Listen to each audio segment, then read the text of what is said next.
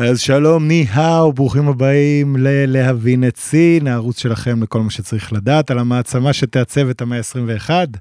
והיום אנחנו מדברים על אחת ממערכות היחסים הכי חשובות בגיאופוליטיקה העולמית, הכי מעניינות גם לדעתי, אה, על מערכת היחסים של סין והודו.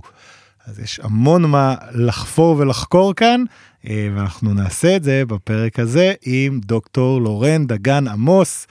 שהיא אה, מומחית ליחסי החוץ והביטחון של הודו והמרחב האינדו-פסיפי אה, באוניברסיטת בר אילן. אז הנה אנחנו מתחילים, תהנו.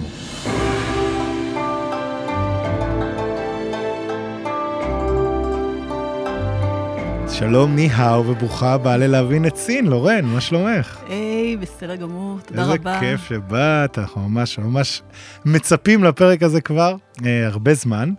אה, זכות נדבר... גדולה. זכות שלנו. אה, אנחנו נדבר בעצם על באמת מערכת יחסים שלדעתי הכי מעניינת, משמעותית, חשובה לכל מאזן הכוחות העולמי. זה הרבה מעבר ליחסים הבילטרליים של סין והודו. הודו בעצם אפשר להגיד אה, הכוח העולה בסצנה העולמית הגיאופוליטית, ו... היא לא ממש לוקחת צעד, אנחנו נדבר על זה, ועושה בעיקר מה שטוב לה. מאוד מזכיר את סין בהקשר הזה, שמתמקדת באינטרסים שלה ופחות אה, זה, אבל אה, יש המון מה לדבר בהקשר של היחסים איתה עם סין, שהם היו, בוא נגיד, הם כל הזמן מורכבים, ובשנים האחרונות הם נהיו אפילו עוד יותר מורכבים. ממש ככה, אה, לכאורה לא היינו צריכים להיפגש בכלל. הודו הייתה הראשונה להכיר בסין העצמאית. כן. אה, הודו אה, ממש רצתה בפורום הבינלאומיים בהתחלה, בתחילת, אה, בסוף שנות ה-40, סליחה. כן. ראתה בסין כמדינה לידה. כן. אפשר עוד איכשהו לנהל את היחסים. כן. זה נבע בעיקר מהתפיסה שהודו יצא משלטון קולוניאליסטי בריטי, נכון. ועולה לה יריבה המרה, פקיסטן. כן. והודו כל כך התרכזה פנימה, כן. והיא התעסקה בעניינים שלה, שזה מצחיק, זה די דומה לסינים, אני לא טועה. נכון. אה, שהן לא היו אמורות להיות שם. כן. וכמו כל דבר טוב, המערב היה חייב אה, להתערב שם כן. ולהרוס, אה, להשאיר אה, חבל ארץ כזה בגבול לא פתור, כן, כן, כן. להניע את היריבות הזאת. נשמע מוכר פה מהאזור שלנו גם, חייבים להגיד, אה? כן. כן. אבל רגע, לפני שאנחנו צוללים ממש כן. לעומק, ספרי לנו, לורן, איך אה, הגעת בעצם לעסוק ולחקור את התחום הזה? במקרה, ממש. אה, החיים הובילו אותי אה, למקום אחר לגמרי. אה, פציעה בצבא, טיול בהודו, שנגדע ככה באמצע, אז ממש, הכי פסיכולוגיה בגרוש. משהו נשאר לי שם עם הודו. כן. ואחרי כמה חודשים מהטיול הגדול, התחלתי ללמוד באקדמיה. כן. ומצאתי את עצמי, כל דבר שקשור להודו מעניין אותי ומרתק אותי, והסמינריונים, הכל, הכל על זה. חייב לשאול, אבל זה הגיע כבר, הייתה את ההתאהבות הזאת בהודו כשטייל שמה, כמו שקורה להרבה אנשים, ואיזה רצון באמת לחקור את זה, או שכאילו... בלי קשר למדת אחרי זה ואז גילית שהודו מעניין אותך גם ברמה המחקרית ולא רק כמקום לטייל בו. אז כאילו אני אמורה לתת איזו תשובה כזאת אה, אה, מאוד רצינית ודיפלומטית, אבל לא, אני לא יודעת איך להסביר את זה, אבל זה הקטע של הודו, שעוד, אני זוכרת בכיתה י"ב שאמרתי, הטיול הגדול שלי יהיה הודו. כן. משהו שם, לא יודעת, האחר הזה, התרבות האחרת, נכון. השוני המאוד גדול, ריתק אותי, והנשיאה כמובן ממש חתמה את זה, סגרה את הגולל עליי ואמרה, אוקיי, זה, זה הכיוון שלה. זה מה שאתה הולכת לעשות. זה כמו טיול טיפוסי בהודו, אתה מקבל איזה הערה כזאת. כן. אז זה בדיוק מה שקרה לי. אין פה שום דבר רציונלי. אבל למזלי אני אגיד, וסליחה על חוסר צניעות, שאני לא מהמרת, באמת שלא. כן. אבל הפעם כנראה שהימרתי באמת על הסוס, דוב, פינגווין, לא משנה איך לקרוא לזה, כן. הכי נכון שיש. כן, אה, כן, כן. זה... אני זוכרת שבמשך הרבה זמן הייתי צריכה לשכנע אנשים למה הודו. עכשיו, לי לא היה כל כך סגור, באמת, לא היה לי סגור התשובה הזאת בפנים. אבל בחוץ, המציאות כל כך סיפקה לי את העובדות ואת הנתונים, שאמרתי לאנשים, אי אפשר לברוח מזה. כן. רואים את העקביות בצמיחה, רואים את ההשפעה, אה, רואים את ההשפעות המערביות שיש בתוך הודו. זאת אומרת, אתה לא יכול להתחמק ולא להתעסק עם הצד הזה בעולם. וזה, אני חושבת, גם חלק מהמורכבות כלפי סין. אני לא, אני אומרת, אני לא מומחית סין, לא, לא מבינה בסין כלום. אנחנו נפצה על זה אחד את השני פה בשיחה. אה, אני מביאה את הצד ההודי, ולי חשוב זה זה שבעולם המערבי, ספציפית בישראל, לא מבינים את אסיה. לא מבינים את הודו כמו שצריך. מסכים לגמרי. אני חושבת לגמרי. שגם עם סין זה כנראה קורה. ממש ככה. ומה שקורה כאן זה חוסר הבנה אחד ברור, כי אנחנו באים עם תפיסות מערביות מאוד ברורות, ואני חושבת שמי שעוסק באסיה מבין שזה לא הפריזמה שאפשר לבוא איתה, שחוקרים את הדבר הזה. זה כל כך נכון, ואני חושב שזה נכון לכל המקומות באסיה. ממש. אה, וספציפית, את יודעת, נגיד עם יפן, כבר בגלל שהתחילה איזה מערכת יחסים של פריחה כזאת, אז כן. כאילו כבר נוצר איזה גוורדיה כזאת של אנשים שמבינים אותה מספיק טוב בשביל שיודעים לפצות על זה. ועם סין והודו זה מה שקורה יותר ממש ב... בעיקר בשני העשורים האחרונים, אני חושב, וגם אנחנו עוד מאוד רחוקים מאיפה שאנחנו צריכים להיות. אגב, אני כש, כשהתחלתי ללמוד אה, לימודי מזרח אסיה לפני איזה 20 שנה באמת, אז הדיבור היה, את יודעת, כאילו שסין היה הכי חם, אבל כבר היה דיבור, אוקיי, אבל הודו, כן. וגם איזה פוטנציאל לא ממומש כזה, זה כמו יש את המשפט המפורסם הזה של אה, נפוליאון על סין, שהוא אומר שסין זה ענק ישן, כן. אבל כשהוא יתעורר אז העולם כולו ירגיש את זה. אז אותו דבר, זה לגמרי נכון גם להודו, ו... אני לא רוצה להתחיל פה איזה, איזה ביף, לא. אבל אני רק אגיד שכשהתייעצתי עם איזה חבר, מה, מה לבחור, אז הוא אמר לי, עזוב, סין כאילו זה בירוקרטיה, יודעים לשלוט, לכוון את הספינה, זה, זה, הצמיחה הזאת רק תמשיך. הודו, זה הכל בלאגן שם, הם לא יודעים מה הם עושים. עכשיו, אז, אז אני אומר את זה רק בתור איזשהו טיז קטן, כי אנחנו רואים שבעיקר בשנים האחרונות, הודו נראה שהיא יודעת יותר ויותר טוב מה היא עושה. היא יודעת, הם מכוונים את עצמם, הם יודעים uh, לכוון את המשאבים שלהם כלפי זה. הבעיה היחידה היא שעבור המערב זה נראה לנו מבולגן, זה נראה כן. לנו לא אפוי עד הסוף, כן. וזה uh, נראה לא רציני. זה בדיוק מה שאמרתי, זה הפריזמה המערבית. כן. אבל מי שרגע משנס מותניים ומסתכל אחרת על הדברים, זאת תמונה אחרת לגמרי. אתה מכיר את המשחק עם המפה, שאפשר לראות את אפריקה למטה, אבל גם אפשר לראות אותה למעלה, אפשר לראות אותה בזוויות שונות. נגיד, כן. כל מדינה, אפשר לראות את רוסיה כ... כמרכז המפה העולמית וכולי. נכון. אז זה, זה בדיוק זה.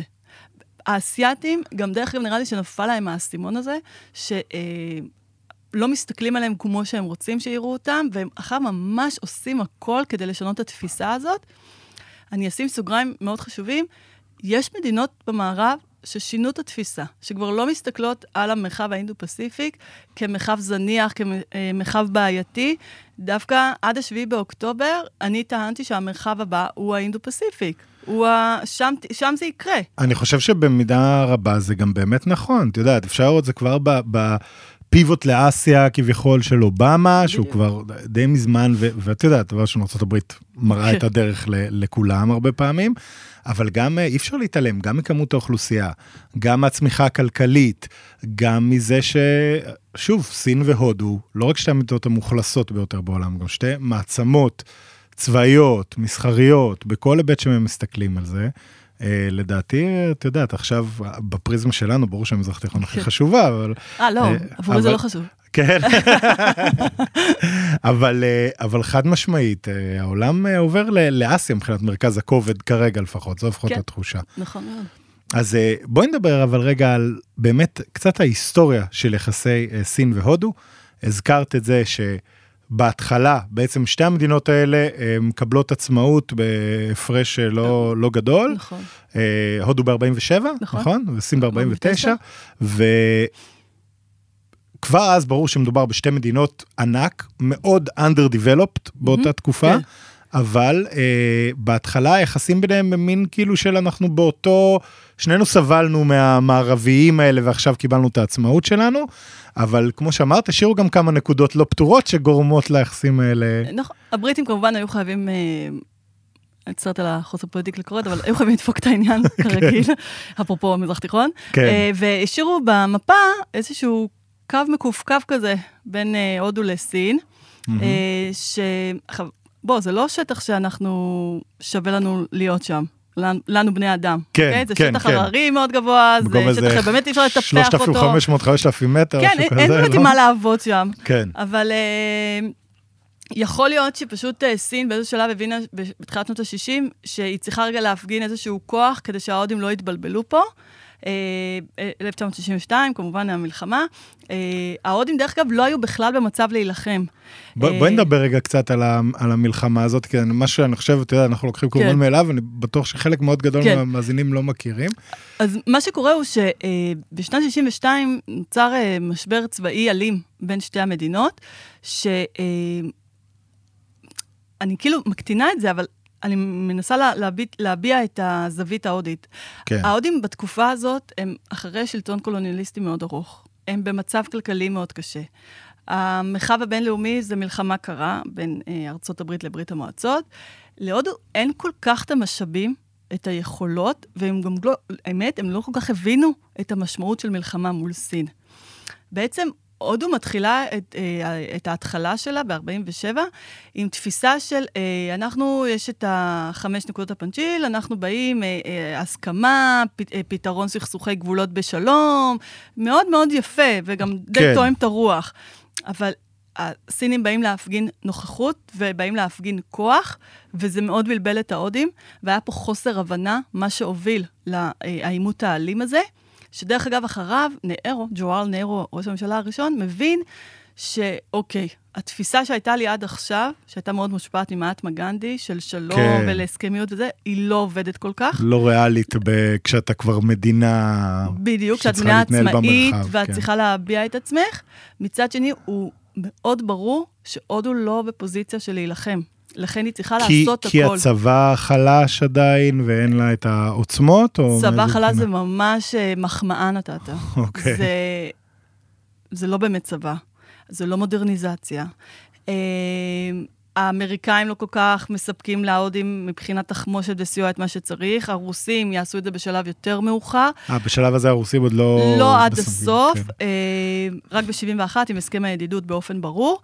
לכן אה, הודו יוצאת מוכה מהמלחמה הזאת, ומבינה שחייבים לעשות איזשהו שיפט בתפיסה, אה, ולכן גם ההתקרבות לברית המועצות, מה שנקרא, יותר ויותר מואץ. בזמנים הודיים זה 71, ההסכם כן, ידידות. כן, כן. צריך הכל לקחת בפרספקטיבה. כן. והמלחמה הזאת בעיקר מחדדת להודים שהם לא מסוגלים לבד. הם לא מסוגלים לבד, אבל, וזה הכי חשוב, סין עדיין, למרות האיום, העימות הצבאי באותה תקופה, לא, מה, לא, לא מהווה איום יחוס כמו שהיא היום, ספוילר, כמו שהיא היום. כן. האיום יחוס של הודו באותה תקופה זה פקיסטן. נטו. המשאבים, ההסתכלות זה על הפקיסטן, זה על המיעוט, קצת אה, מביך אותי להגיד כל פעם מיעוט מוסלמי בתוך הודו. כן, 200 אה, מיליון איש כזה בקטנה. הרבה, הרבה, כן. זה כבר אה, כן. ממש הרבה. כן. והמלחמה הזאת עושה איזשהו סוג של wake-up call להודים, אבל לא עד הסוף. כי הם עדיין אומרים, אוקיי, סינים, הם בתוך עצמם כרגע, גם הם, הם יוצאים חבוטים מכל מה שקרה להם, מלחמת אזרחים, הם ממש כן. תופסים את זה שהם מנסים לשקם את עצמם. וצריך... והגבול נשאר ככה, זאת אומרת, בלי פתרון באמת ברור. וזה אה... אותו מקום שבו היה בלאגן כן. ומכות אה, בגובה 4,000 מטר בעלות לפני איזה שנתיים. ומה שקורה שבזמן המלחמה הקרה, באמת, סין, לפי הבנתי, מתכנסת לתוך עצמה, הודו מתכנסת לתוך עצמה, אבל מבינה שהיא צריכה גם את הבריטים, אה, סליחה, גם את הסובייטים וגם את האמריקאים, וגם את מדינות ערב אל מול פקיסטן. שוב, הפוקוס כן. תמיד ילך על זה. כי. זה, כי זה בעצם צריך להגיד רק דבר שאני אגיד מבחינת המקום שזה תופס את סין המלחמה כן. הזאתי, זה בדיוק אחרי מה שנקרא קפיצה גדולה קדימה, רעב המוני, צורך אה, מאוד גדול להסיט את תשומת הלב אה, החוצה לאיזשהו משבר שלא קשור עכשיו לזה שמתו לנו עשרות מיליוני אנשים כן. מרעב.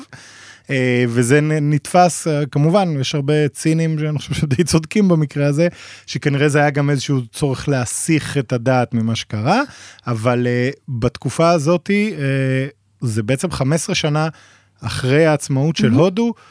הודו. כשהודו ופקיסטן בעצם מחולקות, והמיעוט המוסלמי כביכול אמור לעבור לשם. ומי שנשאר זה נתפס כבעייתי, כבוגדים, מה, מה כן. אתם עושים פה? אנחנו לא יודעים איך לעכל את זה, אז... ו- ו- ולשם זה הולך, הכובד משקל. אז זה כמו איפשהו אפשר להגיד, אם נעשה איזושהי השוואה, שישראל עכשיו, אוקיי, הבעיה הפלסטינאית נתפסת כבעיה הכי גדולה אצלנו.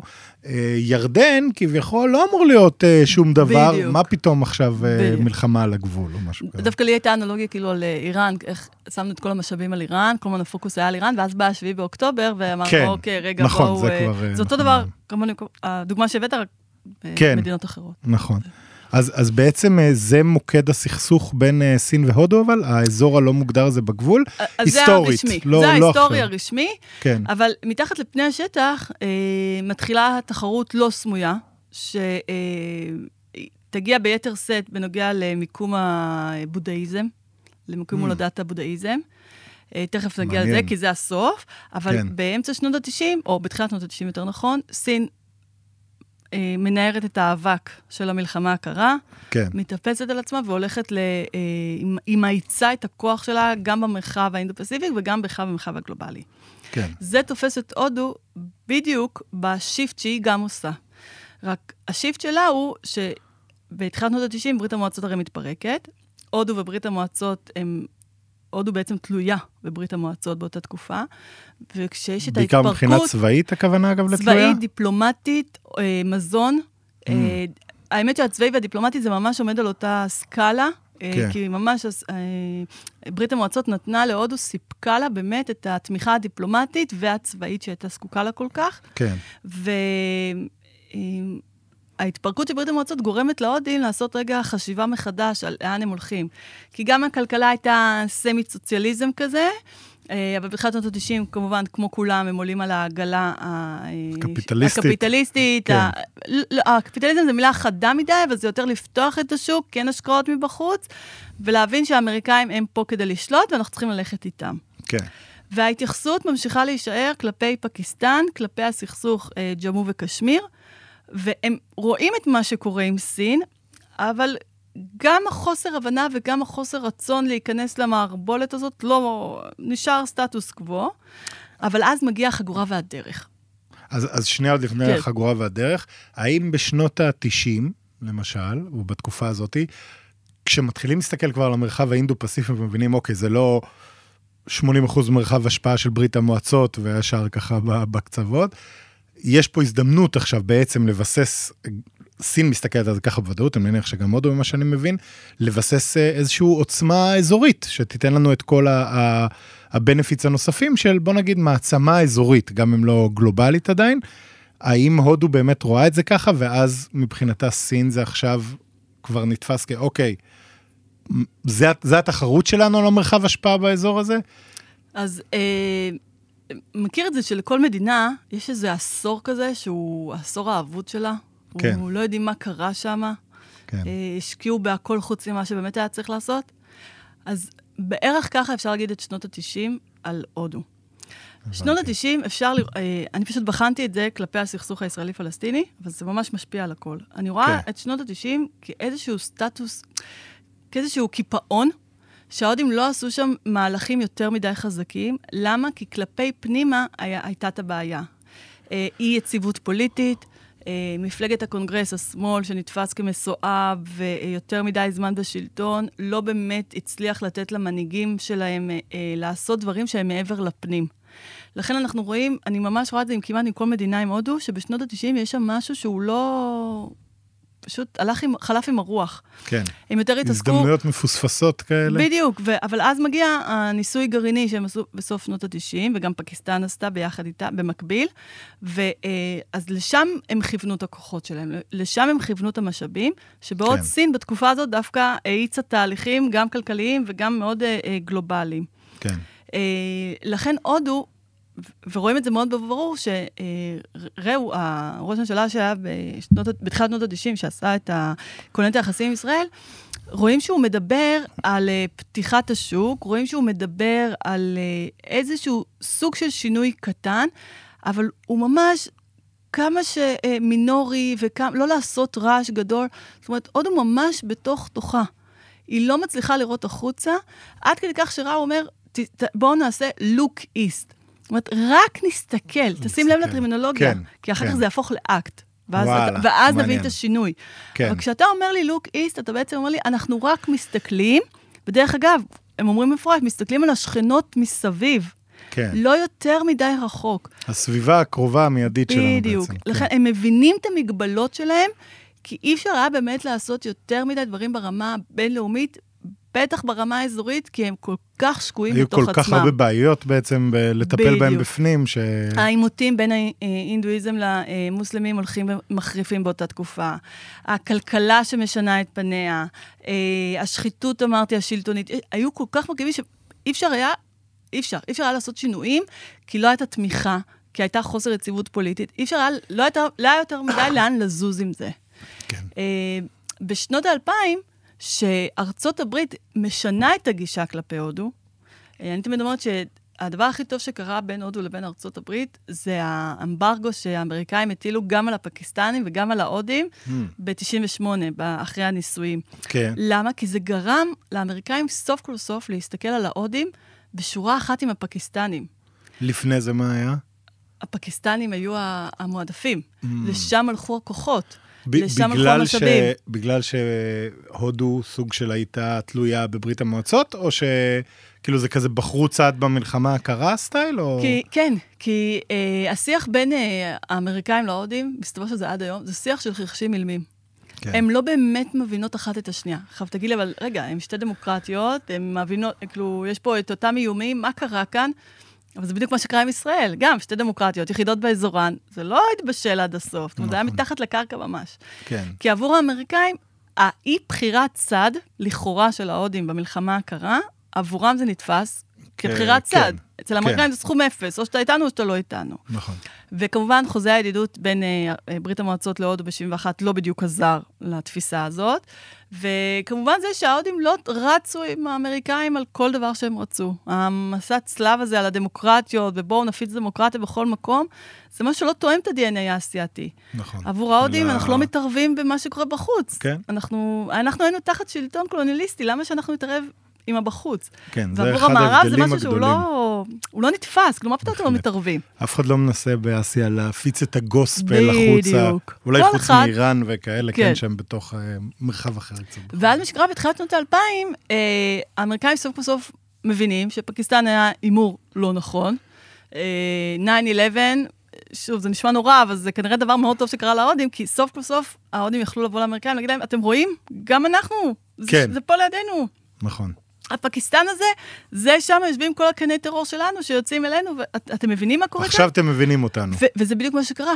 אה, קלינטון בסוף שנות ה-90 מזהה את זה ומגיע להודו. בוש, הבן, אה, מזהה את זה וחותם איתם הסכמים גרעיניים. זאת אומרת, אה, לא מקבלים לחלוטין את זה שהודו היא גרעינית, אבל מבינים שאין מה לעשות. כבר עובדות בשטח. בדיוק, וזה מדהים לראות איך, ממש, זה מתחיל טיפין-טיפין, אה, עסקאות, אה, שיתופי פעולה, ואז נופל האסימון לשתי המדינות האלה, שיש פה איזושהי מדינה, שהיא כבר פתחה פער, אנחנו לא נגיד את שמה, אה, היא פתחה פער כלכלי, צבאי, מדיני, לא משנה באיזשהו תחום, וזאת הייתה אחת הדרישות של האמריקאים כלפי ההודים. אתם רוצים להתקרב אלינו? מעולה. רק תתחילו לעשות איזושהי מודרניזציה, כי יש לכם שכנה, לא פקיסטן, כן. שהיא כבר ממש בפער, והיא, מסתבר, גם איום שלנו. כי האמריקאים... שזה מתי אנחנו מדברים שכבר זה המסרים ש... שעוברים אה, כנראה באופן לא... אין לי את היום הרשמי. להגיד. לך, אבל אני ממש מזהה את uh, שנות האלפיים, כך 2008 וצפונה, זה מתחיל כן. להיות ברור. אז אפילו עוד לפני תקופת אובמה והפיבוט לאסיה וכאלה, או נכון. ממש אה, כזה... דרך אגב, זה לא נעים להגיד, אבל אובמה סוג של המשיך את מורשתו של בוש כלפי אסיה. כי אה, בוש מזהה שאסיה מתחילה להיות מקור חשוב, רק הם לא כל כך שמו את זה במסמכים הרשמיים ובתפיסה מאוד ברורה. כן, אובמה פשוט חתם את זה. כן. אה, הכריז על זה רשמית. כן. בעצם. זאת אומרת, אנחנו דווקא רואים פה מעבר בין הממשל הרפובליקני לדמוקרטי, שהדמוקרטים אה, לא כל כך מחסל את מה שקודמו עשה. אה, אנחנו מזהים שקלינטון מגיעה כמזכירת המדינה ממש בהתחלה של הקדנציה, אובמה גם מגיע באיזה שלב, מודי מגיע באיזה שלב. יש פה אה, אה, כינוס של אינטרסים שמסתדר לשני הצדדים. ההודים, מה זה, זה הדבר הכי טוב שיכול לקרות להם, שהאמריקאים מבינים שהנה, יש פה איומים משותפים, ויש פה עזרה שהאמריקאים יכולים לתת, אבל, וזה הכי חשוב, ההודים לא שמים את כל הביצים בצד אחד. כן. אז זה nice to have, אנחנו נעשה את המודרניזציה, והם באמת עשו מודרניזציה צבאית מרשימה בהחלט. אה, אנחנו רואים... אגב, היום- הרבה עם אה, סיוע של ישראל גם, אם אני זוכר, לפחות שזה עניין יותר אה, עדכני יחסית. הסיוע הישראלי תמיד היה שם. כן. תמיד, תמיד, תמיד. זה מתחיל. אנחנו, יאמר לזכות ישראל, היינו מאוד עקביים ביחס שלנו כלפי ההודים. משרד החוץ ומשרד הביטחון עשו פה עבודה באמת מתחת לפני השטח, ברמת אינטימיות מאוד חשובה, שממש חיכו ליום הזה שזה ישתלם להם. כן. זה באמת השתלם עם עלייתו של מודי. אה, אבל זה לא רק ישראל. יש, אה, כולם שם, הרבה מדינות מעורבות במודרניזציה הצבאית של הודו, ארה"ב, צרפת, גרמניה, איטליה, אה, הרוסים. אה, זאת אומרת, יש פה הבנה שהודו היא באמת, הודו, לא עזה, אלא הודו היא פיבוט מאוד חשוב, בהחלט. בנוגע למה שקורה מול סין. כן. ו- היא הדרך בעצם סוג של אה, לאזן בדיוק. מול, מול סין במרחב האינדו-פסיפי. זה. זה נתפס בעצם המדינה היחידה שבגודל שלה ובעוצמה שלה יכולה להוות משקל נגד כמעט לבד. היא יכולה. לאתגר. כן, היא יכולה לאתגר. Uh, הבעיה היא שלהודים ההבנה הזאת הגיעה עם התפרצות החגורה והדרך. כן. אני מזהה שזאת הנקודה שבו ההודים אומרים, אוקיי, צריך לעשות פה איזשהו מחשב מחדש, כי זה לא רק פה באסיה, אנחנו כבר בפ... אנחנו בפער, אלא הם מסתכלים החוצה ורואים, רגע, המזרח התיכון, סינים. אה, צפון אמר... אה, אמריקה, אמל"ט, דרום- אה, אפריקה, כל מיני מקומות כן. כאלה, הסינים כבר שמה. כן. וכאן מתחילה נקודת האזהרה של ההודים, כי אני מזכירה ש-75% מהאנרגיה לאסייתיות השונות מגיע מהמזרח מהמפרץ. התיכון, נכון. ואזרחים אסיאתיים, ספציפית הודו, הודים, במפרציות זה, זה, זה מיליונים. כן, וסין כבר שמה. וזה משהו שמאיר את ההודים ואומר, אוקיי, עושים עכשיו מחדש, ויאמר לזכותם, אני יודעת שהם מאוד אוהבים לחבוט בהודים, אבל יאמר לזכותם שהם מבינים שיש פה פער, והם הם לא מתכחשים אליו. הם לא מייפים את המציאות. הם מבינים שיש וחשוב פער, מאוד למי ועכשיו... שרוצה להתקדם. בדיוק, ועכשיו הם עושים הכל כדי שזה יקרה. אז זה קורה בעצם תחת, אה, זה, זה די מסונכן עם העלייה של מודי, אם אני מבין נכון. כן. חב... למה? כי זה חוזר למה שאמרתי קודם. ב-2014 מגיע נרנדרה מודי, עולה מפלגת ה-BJP, שזו מפלגה ימנית לאומנית, כן. ולראשונה, תקשיב, לראשונה, קמה מפלגה לאומנית שהיא לא מפלגת הקונגרס, שמצליחה לזכות בהרבה מושבים בפרלמנט, נותנת כוח לממשלה, שעכשיו אין לו את הבעיות שהיו לקודמיו. יש לו ביטחון פרלמנטרי, פוליטי, יש לו כלומר. תמיכה מהעם, הוא יכול להוביל מהלכים בעצם. כל יכול. לכן אנחנו רואים דווקא בשנה הראשונה של מודי, שהוא, אה, אומרים, 100 ימים היה בחוץ. הוא ממש עשה סיבוב הופעות. כן. אה, הייתה ביקורת פנימית מאוד גדולה כלפי זה, אבל היום מבינים שהוא שזה... זכה באהדה מאוד גדולה. זה מה שהוא עשה, הוא הבין את המומנטום, והוא הוא עף על זה. וכשאתה בא ויש לך תמיכה, ויש לך יכולת, אתה מסוגל לעשות צעדים שקודמיך בכלל לא יכלו לחלום עליה.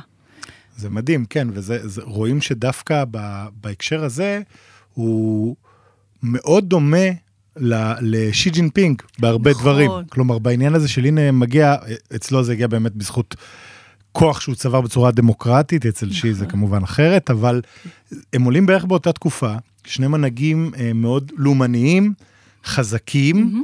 וגם עם חזון שהם באמת מתכננים להוציא לפועל, כלומר לא רק אה, סיסמאות כן. פוליטיות כאלה בשביל לנצח בבחירות או לזכות באהדה, אלא באמת באים לעשות עבודה. נכון. ובהתחלה, אם אני זוכר נכון, הם גם אה, חברים מאוד טובים. כלומר, הם אה, מסתכלים אחד על... לא, חברים זה כמובן מילה קשה לא, המילה- בסצנה הזאת, אל תכעס, אבל הם כן, אבל מסתדרים זה- היטב, בוא נגיד זה ככה, הם רואים כן. עין בעין בהרבה מאוד כן. דברים. אה, יש לי בעיה, שוב, זה לא אישי, כן, כן, זה- כן, כן, פשוט, אני. מוציאה לך את כל הזה שלי. כן. יכול כמה אתה חוסר לי על הפסיכולוג. תמיד אומרים לי חברים, חברים בין מנהיגים. חבר'ה, בואו, זה לא אני ואתה. כן, יש בין, זה לא זה. לא לא יש הולכים לשתות קפה. אינטרסים מאוד ברורים, כן. החלום שלי לשתות איתך קפה. אה, יש אינטרסים מאוד ברורים, יש... אה, אה, אין באמת חברות, צריך להפסיק עם זה. עכשיו, יבואו, יגידו המבקרים שלי ויגידו, רגע, אבל הקשרים הבין-אישיים מאוד עוזרים. נכון, אין כן. ספק. אבל לא לחשוב שמודי ושי עשו פה איזושהי אה, חינגה בלעדינו ואנחנו פספסנו את זה. זה לא זה.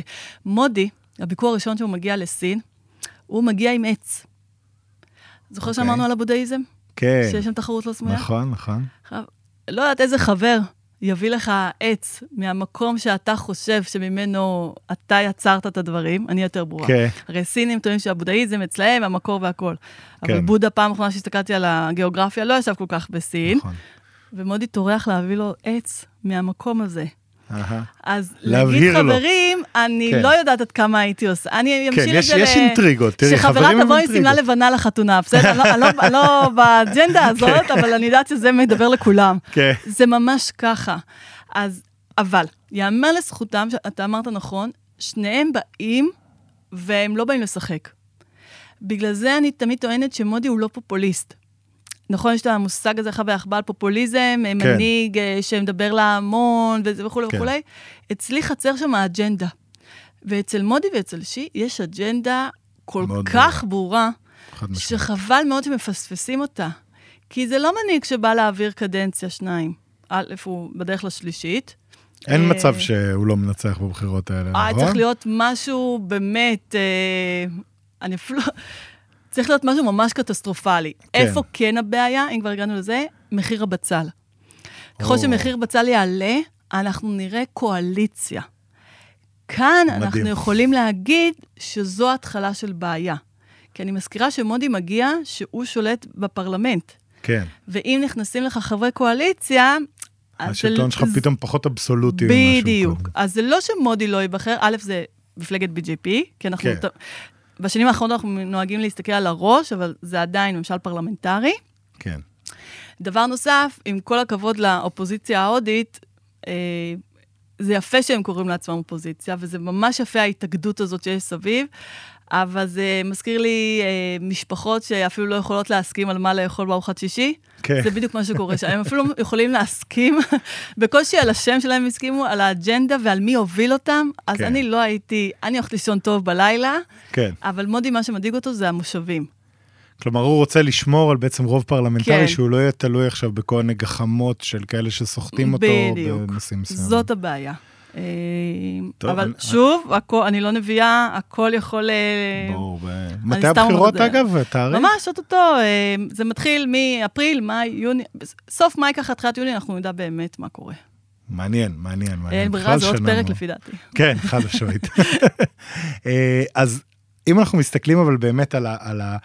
את צודקת, לא חברים, אבל כן היה נראה שיש איזה שהם אינטרסים חופפים בין סין והודו, וגם שבסך הכל הודו, אה, שי ומודי, בתחושה שלי, כן, לפחות ככה זה היה מתוקשר מהצד הסיני, כאילו הם קצת כמו שלהבדיל אלפי הבדלות, אה, ביבי מתפאר בזה שכולם אה, חברים שלו, ראשי המדינות העולם וכאלה, אז אותו דבר היה שמה, בצורה כמובן הרבה פחות ישראלית והרבה יותר אסיאתית ומעודנת כזאתי, אבל כאילו, אני יודע לעבוד עם מודי, יכולים לעשות דברים גדולים ביחד, יש אפילו איזה מין דיבור כזה.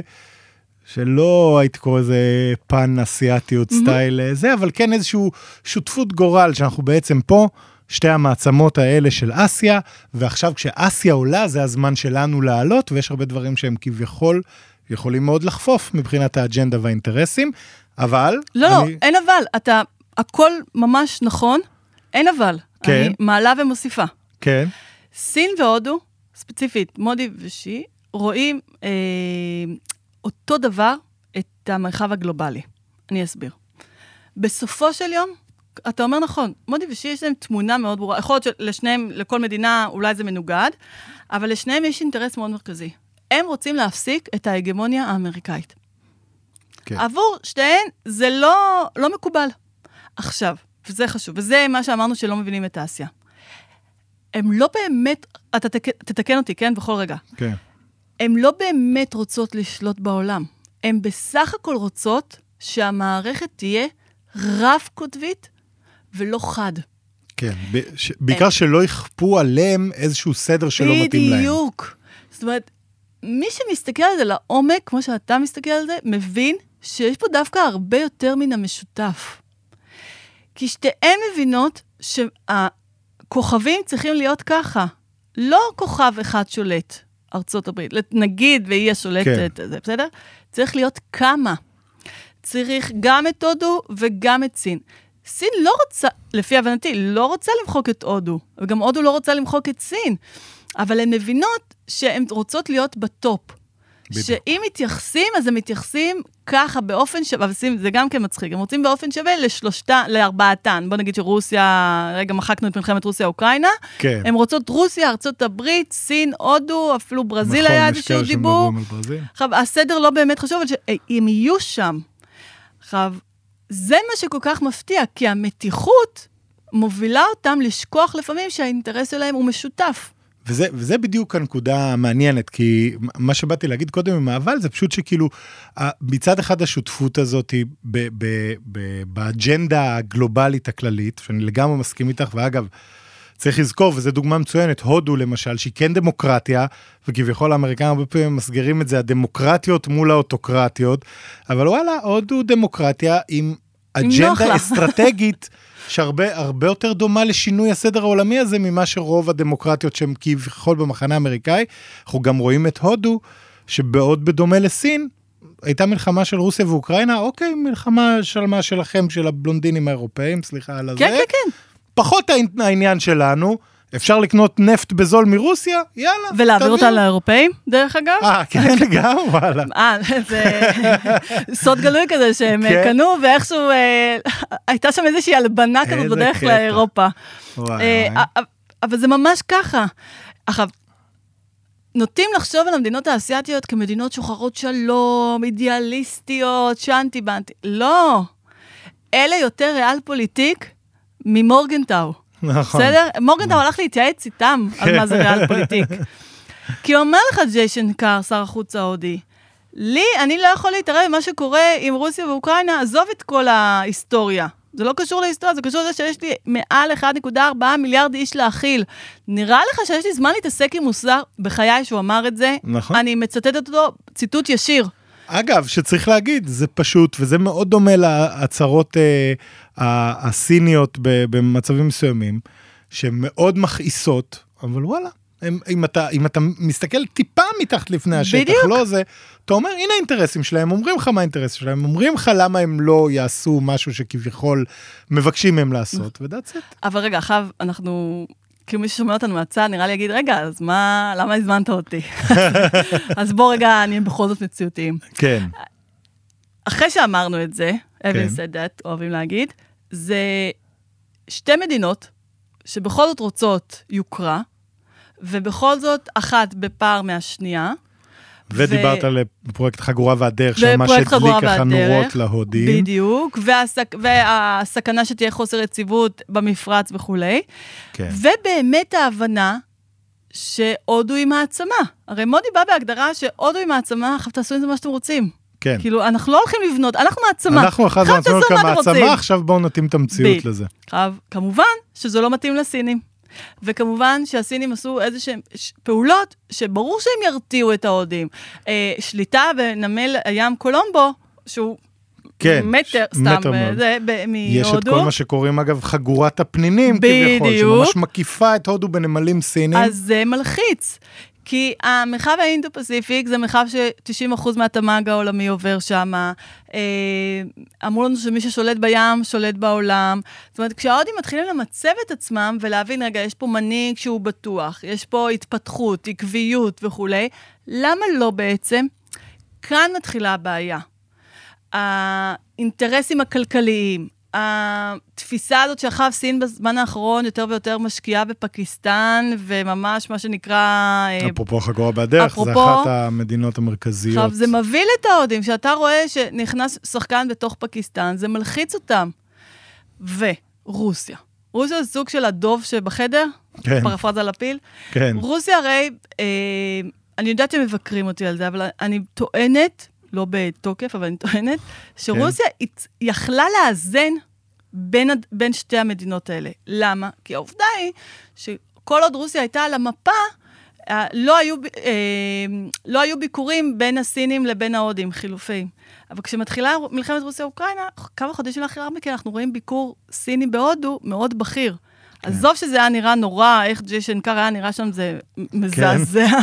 הוא ממש, הבעת פנים שלו זה, שחקן פוקר הוא לא יהיה. אוקיי. אה, מה, נראה מזועזע כאילו? מה זה מזועזע?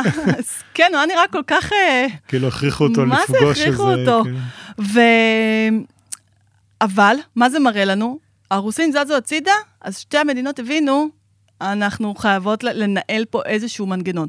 לא לסדר, לא לקבוע את הגבול מחדש, לא להגיע להסדרים מרחיקי לכת, אבל להבין שהדוב לא פה, ואנחנו צריכים רגע לפתח איזשהו מנגנון בכל זאת של שיח. ו- ואגב, אולי צריך להגיד, גם איפשהו אה, הן מתחרות עכשיו על מרחבי השפעה, אני מניח במרכז אסיה, שאני יודע שהסינים מאוד, נכון. מאוד מסתכלים על האזור הזה, ונראה לי שגם הודו, נכון. מבחינה גיאוגרפית זה עושה שכל. נכון. שוואלה, אנחנו צריכים כאילו, זה גם מקום שיכולות להיות בו כן. התנגשויות בטעות, ומצד שני זה יכול להיות מקום שיש אינטרס לשתף בו פעולה. נכון, והרוסים זה איזושהי, זה איזשהו זכר היסטורי מאוד יפה, שחבל שהוא הולך ונחלש, וחבל שהוא קצת נכנס לבעיה עולמית עכשיו, ש... חבל שהוא נהיה... בעייתי. אה, מדינה די פשיסטית, כן. זה בעיה גם לסינים. יש פה מישהו שלא משחק את המשחק. הוא לא, לא יציב ולא הוא פרדיקטבול. לא יציב, ועבור הסינים זה לא, לא מסתדר. כן, עבור ההודים זה בעייתי, כי הם לא יכולים למצוא את עצמם, ככל שרוסיה נחלשת, הרי הסינים תופסים את הוואקום, מהמם. ואז ההודים מוצאים את עצמם, רגע, אני לא יכול לשבת פה באותה שורה, כי זה כן, סינים. כן. זה too much. ויש פה מערבולת של אינטרסים ומורכבויות, שזה לא כזה פשוט. זאת אומרת, פעם ציירנו תמונה של, בואו, יש להם אה, נקודת השקה, אבל הם, שוב, אחרי הנקודת השקה הזאת יש כל כך הרבה מורכבויות, שהם, אה, שתי המדינות האלה מתקשות איכשהו להתכנס לזה. וקח את זה שהאמריקאים עכשיו מתחילים להתייחס להודו כמקום חשוב, הביקור ההיסטורי שמודי עשה בוושינגטון ביוני האחרון, וביידן מגיע בספטמבר ל-G20, והאירוח המדהים של ה-G20. נכון. בחיים לא שמע, שמעו על ה-G20 כמו ששמעו השנה שהודו הובילה את האירוע הזה. נכון. הם בעצמם ב-G20 לא ידעו שהם כאלה חשובים. ההצהרה החשובה שביידן ומודי הוציאו, וסעודיה על הרכבות, נכון. אין לי מושג איך זה קורה. אמן וזה יקרה, כן. אמן- זה- כן, זה מאוד צריך יעזור אה, גם הרבה לנו. דברים שזה יקרה. זאת כן. אומרת, זה מרתיע את, זאת אומרת, זה מרתיע את כולם, כי ככל שההודים מקבלים את הנוכחות האמריקאית, הסינים לא מסוגלים לשתף פעולה. כן, וככל שהרוסים נחלשים, אתה מבין? זה, זה מה שיפה ביחב"ל. כן. שמדובר פה במארג כל כך עדין, נכון. שחייבים לראות את הכל. נכון, ו- וצריך להגיד גם במערכת היחסים הזאת בין סין להודו, אה, זה, אני יצא לי לחוות זה למשל בצד הכלכלי יותר, בעבודה וכאלה, שהיית רואה שפעם הודו הייתה מבחינת אה, חברות סיניות השוק הכי מעניין להסתכל עליו, ואז אה, הולכים מכות שם עם מקלות בדיוק. ואבנים בהימאליה, ופתאום ראינו איזה שיפט מטורף שבעצם אסרו על שימוש בכמעט כל האפליקציות הגדולות הסיניות בהודו. הרבה חברות אה, אה, אה, הודיות, אה, סיניות, סליחה, קיבלו חרם בהודו, בהודו, רשמי, נכון. לפעמים פחות רשמי, אבל נכון. ממש נפגעו. אה, ובמקביל, אנחנו רואים שכחלק מבעצם כל ה de-risking האמריקאי מסין, הרבה מאוד מפעלים של אפל ושל אחרות פתאום עובדים, עוברים להודו, וקשה לחשוב גם שבתוך מארג היחסים הבינלאומיים הזה, יש גם הרבה מאוד יחסים, אה, אג'נדות פנימיות של פיתוח כלכלי, נכון. של עצמאות אה, כלכלית ודברים כאלה. וזה מתגבר כשמודי בא ולוקח אה, תוכנית שדיברו עליה כבר שנים, Make in India, וממש שם אותה על סטרואידים, והיא מקבלת נפח. Uh, הסינים נבהלים מזה. כן. כשההודים מתחילים לדבר על שבבים, ועל איך הם רוצים להתחיל לקחת מקום בדבר הזה, זה מבהיל את הסינים. בהחלט. Uh, העניין הכלכלי פה הוא, הוא המוקד, הוא הבעיה. כן. אה, תשאל אותי, יהיה עימות צבאי אמיתי בין שתי המדינות האלה? אני לא בטוחה ששתיהן רוצות את זה. אני, סביר, לפי מה שאני לא מבינה, סין לא באמת שלהם. רוצה עימות צבאי בטח לא עם הודו. אף אחת. כן. אה, רמז. כן. אני לא רואה איך סין באמת רוצה לצאת לעימות צבאי, ואני לא בטוחה שהודו גם רוצה, כי היא עדיין בפער. אבל זה, לפי התיאוריה, זה יפה להתחמש. למה? כי זה מראה. כן. עצם ההתחמשות, עצם המודרניזציה, עצם זה שאני נהיה מקור אטרקטיבי, כן. זאת, הב- הנראות לפעמים היא הרבה יותר חשובה. היא מקרינה עוצמה על האזור, בדיוק. וגם אה, יוצרת איזה דיטרנס כזה של כאילו, אל תתעסקו איתי, אני לא רוצה לריב עם אף אחד, ואם תתעסקו איתי. תדעו שאני יודע להגן על כולנו. צוחקים על העלות האלה, שהיה בין הודו לסין לפני שנתיים, אבל, אבל זה בדיוק זה, זה מוכיח את מה שאמרתי. נכון, שתי, שני הצדדים מבינים בלי נשק חם. בלי נשק חם. כן. אני, אני זוכרת ששלחו לי את הסרטון ואמרו לי, מה זה? אמרתי, אני, אני, אין, אני, חבר'ה, אני לא הדוברת הראשית של הצבא ההודי, בואו, עם כל הכבוד. נכון, אבל אה, אה, נכון, זה נראה לא רציני, אבל זה מאוד רציני. בדיוק. זה מאוד רציונלי. כי הן שתיהן מבינות, עימות צבאי לא יקרה. זה- סין לא באמת תכבוש אה, הודו, והודו לא תכבוש את סין, אין להם גם שאיפות כאלה, זה לא בלי- השאיפות האימפריאליסטיות. בדיוק. זה היה משהו הרבה יותר סמלי והצהרתי בדיוק. מאשר... אה, הכלכלה, אתם מחפשים לראות את הריב האמיתי, זה הכלכלה. כן. זה החזון שמודי מדבר על 47, אה, 2047, כמאה שנים להודו, אה, כלכלה שלישית בגודלו, בגודלה. זה מה שמפחיד את הסינים, זה מה שמלחיץ אותם. שזה אגב, צריך להגיד, זה גם מרגיש ממש כמו אה, ה playbook הסיני שלפני עשור שניים, כאילו של היעדים הקדימה כן. האלה ושל איך אנחנו גדלים כלכלית. ובקטע הזה מרגיש כאילו הודו היא לגמרי הכוח העולה הבא, ואז השאלה המעניינת אגב, זה האם, כמו שסין, צריך לזכור, לפני 15 שנה סין עדיין הייתה אה, מושיעת העולם המערבי והכלכלה הגלובלית, וכולם רצו להשקיע. כן. שם, וכולם עבדו איתה בשיתוף פעולה על הכל, בלי הגבלות. ואז היא נהייתה יותר ויותר חזקה, ופתאום ברשתות תקשורת, ובייצור אלקטרוניקה, ובדברים כאלה שהם חשובים, היא הופכת להיות לא רק האופציה הזולה הזאת שמדינות מסכנות יקנו, אלא וואלה, עם יכולות טכנולוגיות לא פחותות משל המערב, ואז היא גם מסומנת, אפרופו דרך תוכנית Made in China, שממש הגדירה שסין עכשיו רוצה להפסיק עם הייצור הזול ולהתמקד בנקודות שהם מסורתית אה, אזורי הכלכלה החזקים של ארה"ב, יפן, גרמניה, של המדינות האלה, ואז פתאום מסומנת למטרה על הגב בתור, אוקיי, סין זה כבר לא המקום הזו לייצר בו, זה איום עלינו. כן. והשאלה, אם הדבר הזה יקרה גם להודו, כשב-2047 או אולי לפני, פתאום הבינו, בואנה, הודו מאיימת עלינו, היא לא באמת מקשיבה להוראות שלנו כמו עוד מדינת אה, חסות כזאת של ארצות הברית. האם uh, עתידה של הודו לקבל יחס לא רחוק מזה שאנחנו רואים שסין מקבלת היום מהמערב? תראה, תשמע, אני חוקרת מדע המדינה. כן. הפריבילגיה שלי זה, אני לא יודעת, אבל לא של אף אחד לא יודע, צריך להגיד, אז באמת, כי- כולנו מנחשים. הבעיה שלי שזה הכל מוקלט, ואז יבואו ויגידו לי, את אמרת, כן. אני מייחסת לעצמי פה חתיכת חשיבות. לא, לא, לא, לא. לכי תדעי מה ישלפו עוד 20 שנה, בת אדם. צנועה לחלוטין, כן. שאומרת, זה מצב מאוד הגיוני, ולכן, אם אנחנו רוצים להימנע מהתפיסה הזאת, אנחנו צריכים להתחיל להסתכל על אסיה כאסיה, לא כאיך אנחנו רוצים לשנות אותה, או איך אנחנו נאלף אותה. אנחנו את מדברת עכשיו על. על המערב. אוקיי. התפ... הפטרוניזם הזה חייב להיגמר. שוב, אני לא חוקרת סין, אבל ממה שאני רואה, האנטי הזה כלפי המערב נבע בדיוק מהסיפור הזה. אתם כל הזמן מתייחסים אלינו כחלשים כחלשים, אנחנו חייבים להקרין עוצמה. כן. וזאת הסכנה עם הודו, שאנחנו עדיין מתייחסים אליה כמדינת עולם שלישית, לפעמים בצדק, כן. אוקיי? אבל אנחנו שוכחים ששיטת הקאסטות והתפיסה ההינדואיסטית לא כאן להשתנות. היא גם פה אלפי שנים, מי פה אתם אלפי שנים. שתחליטו מה. נכון ומה לא נכון לנו, שאגב, שוב, בעיניים מערביות, וזה נכון גם להרבה דברים בסין, את מסתכלת ואת אומרת, מה זה? מה קורה זוועה." כאן? נכון, אבל וואלה, זה אי אפשר לשפוט את הכל לפי הפריזמה המערבית שלנו, בדיוק. במיוחד לא בתרבויות שמתנהלות ככה כבר אלפי שנים, ובמיוחד שהן תופסות את זה כמקור העוצמה שלהן. כן? הייחוד התרבותי שלהם. בדיוק. ומה שציירת כאן עכשיו, מצד אחד אני חותמת עליו. אין לי שום ספק שזה יקרה. כן. מצד שני, אני מאוד רוצה למנוע, שוב, אני מאוד רוצה כן. שזה לא יקרה. כאן יכול להיות, זה הבעיה של חוקר מדע המדינה, שהוא, המטען הרגשי שלו, אי אפשר לנתק אותו לחלוטין. כן. ואני רואה את הפוטנציאל של הודו בצורה קצת משוחדת, אין מה לעשות. מושא מחקר שלך כל כך הרבה שנים, אני לא, אני אומרת, אני לא מבינה את כל הודו.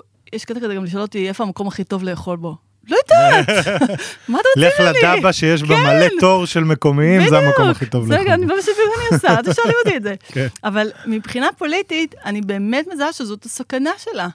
שמרוב שהם אה, רוצים, אה, אנחנו נראה לכם, אנחנו נלמד אתכם, תקנו מאיתנו, אנחנו שוכחים שבסופו של דבר העברת ידע, הם לומדים את זה, והם לומדים טוב.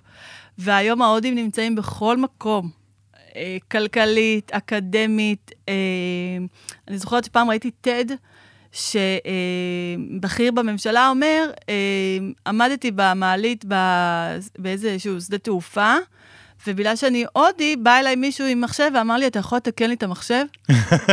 וזה, עכשיו, זה סופר הגיוני, כי אנחנו כן. תופסים אותם, מצד אחד תראה איזה יופי, אנחנו תופסים אותם כהכי נכשלים, מצד שני הכי כן. מבינים והכול. ככה זה כשיש לך, את יודעת, מיליארד וחצי איש. יפה. וזה אז בדיוק העשרה העניין. אחוז של הגאוני על, בדיוק. fucking 150 מיליון איש. והם הם בסופו של דבר, יש להם השפעה, וההתנסות הזאת, והיחס המפלה וכולי, בהחלט יבוא כבוברנג. עכשיו, ההיסטוריה מלמדת שזה מה שקורה בסופו של יום. שהגולם קם על יוצרו, כן. זה בדיוק זה. כן. השאלה היא, איפה זה יפגוש את סין ואת הודו ביחד? מרוב שהגולם הפך את יוצרו, מי, מי כאן אה, יעשה את זה יותר טוב? זה באמת מעניין מאוד, כי, מאוד. כי אני, אני חושב, וזו אולי שאלה ככה באמת, ש, שקצת מסכמת את כל השיחה שלנו, כי בסוף, כרגע הם, הם מתחרות עם אינטרסים משותפים בהרבה משמעית. דברים, שאני, כמו שאני רואה את זה, כן, ואני לא מומחה להודו, אבל כמו שאני רואה את זה, הודו פשוט כרגע האינטרס שלה הוא כן לקבל, לאזן בין המעצמות ולהגיד, אוקיי, ארה"ב, תביאו לי את כל ההשקעות האלה, תהפכו אותי למרכז ייצור, תשימו עליי את כל הז'יטונים, בדיוק. עד שאני ארגיש שוואלה, אני כבר לא חייבת את הז'יטונים שלכם, אני יכולה להסתדר לבד. ואז כשהודו תסתכל על האינטרס שלה באותה נקודה, יכול להיות שהיא תרגיש עוד פעם שסין היא דווקא איזשהו פרטנר טוב, לשים את אסיה במרכז. וזה סינרו שמישהו חייב לשים לב אליו. כן. כי ה-Make in India הרי אומר במפורש, רוב הבעלות אצלנו, הייצור אצלנו, זה אומר שמחר לא בטוח אני אצטרך אותך. נכון. עכשיו, זה למזלנו, ה playbook הסיני, אגב, אחד לאחד אחד. מלפני 20-30 שנה. למזלנו, או לצערנו, מגיעים אירועים כמו מלחמת רוסיה-אוקראינה, כמו השביעי באוקטובר, שעושים wake up call לכולם, תיזהרו. כי ההסתמכות העצמית הזאת, זה nice to have, אבל כן. בסופו של יום יש פה, אנחנו בגלובליזציה. אנחנו במשהו שמשפיע אחד על השני. עכשיו, אני אזקק את זה עוד יותר. מה שקורה היום במרחב הים האדום, אני לא יודעת, אני לא מבינה איך הסינים לא רואים את זה, אבל יש להם אינטרס מאוד ברור שהסדר יישמר, שלא יהיה איזשהו שינוי. וזה גם ההודים אומרים. כן, הם מפחדים מאוד מהשינוי. כן. מבחינתם, הם, בתפיסה הזאת מאוד קל להגיד שהם שמרנים. בשפה המערבית הם שמרנים, כי הם כן. רוצים את מה שקיים. מה שקיים, אל אל תיגע. תשנו. דרך אגב, כן. גם אם זה לטובתם, אני לא בטוחה שהשינוי הזה מקובל. כי יש איזה אלמנט של אי ודאות, של למה הוא. יוביל, בטח בטווח הארוך יותר. בדיוק. מעניין. אז את יודעת, זה, זה משהו שאני חושב שמאוד חסר באמת. ההסתכלות הזאת היא לא על עכשיו זה ארצות הברית מול סין, או סין וציר הרשע כביכול, ש... אלא יש פה הרבה מאוד כוחות. הרבה. הודו היא, היא הבולטת בהם, שוב, בגלל הגודל והפוטנציאל והיכולות והדברים האלה, אבל יש עוד כל מיני מדינות, אינדונזיה, שביום שבו אנחנו מקליטים זה קורות בבחירות, והדמוקרטיה השלישית בגודלה בעולם, ועוד מדינות אה, אחרות, שהן מדינות ענק, שוואלה, האינטרס שלהם הוא של שינוי הדרגתי, זהיר, אבל בהחלט שינוי של הסדר העולמי הקיים, ויכול מאוד להיות שאנחנו נראה שינויים גם בהנחות, כל ההנחות שהיום עושים, כשמסתכלים רק על סין בתור האויבת, זה יכול להיות הנחות שבטווח הארוך יתבררו כבעייתיות מאוד. קונספציה. מילה שאני כל כך. שונאת, אבל... אה, אבל וואלה, כולנו, למדנו. להיזהר ממנה, כן. כן, לצ- לצערנו. אני מקווה שלמדנו. אני ממש. מקווה. כן. לורן, תודה רבה שבאת יואו, היום. נגמר? הייתה שיחה מרתקת, כן. וואי, תודה. כן, היה ממש כיף. תודה לי. על התובנות, ואני חושב שאולי אחרי הבחירות נצטרך לעשות עוד אחד כזה. אין נבין ברירה. לאן הדברים הולכים. בזה אני בטוחה. מעולה. תודה רבה, לורן. תודה.